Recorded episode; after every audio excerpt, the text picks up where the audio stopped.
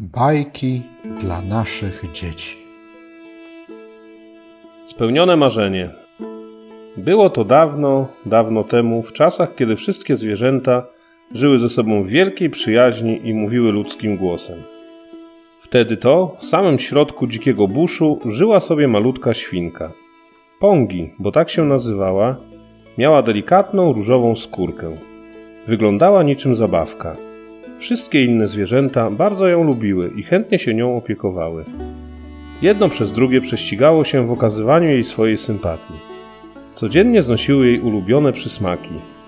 Pongi, mam dla ciebie orzeszki, przyniosłem je z dalekich stron, mówił rajski ptak, majestatycznie rozkładając długi ogon.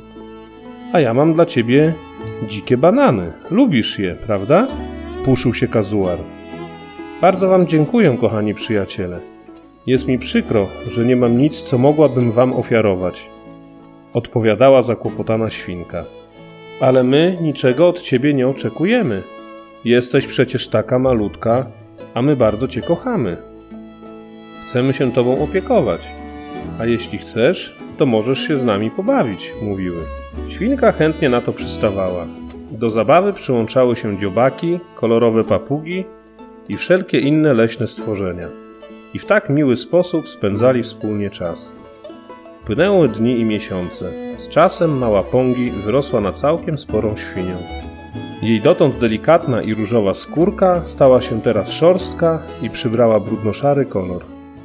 Nie była już tak piękna jak kiedyś, a co gorsze, z każdym dniem ubywało jej przyjaciół, aż w końcu została sama. Nikt już nie miał dla niej czasu, nikt jej nic nie przynosił nawet wtedy, gdy była głodna. Świnka poczuła się odrzucona i samotna. Tęskniła za prawdziwym przyjacielem, dla którego jej wygląd nie będzie miał znaczenia. Niestety, nikogo takiego nie miała.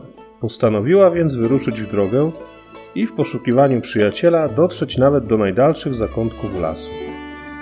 Z trudem przedzierała się przez bujne zarośla.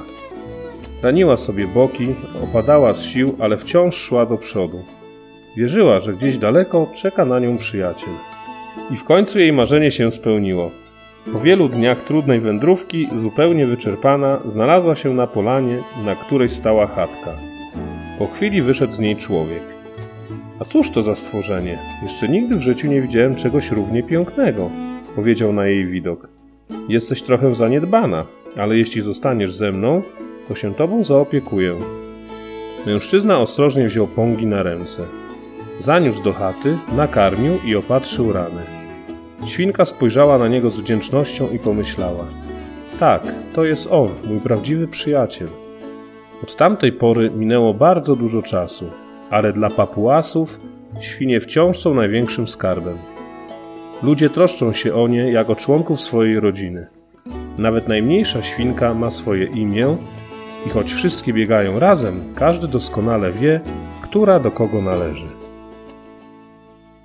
Thank you.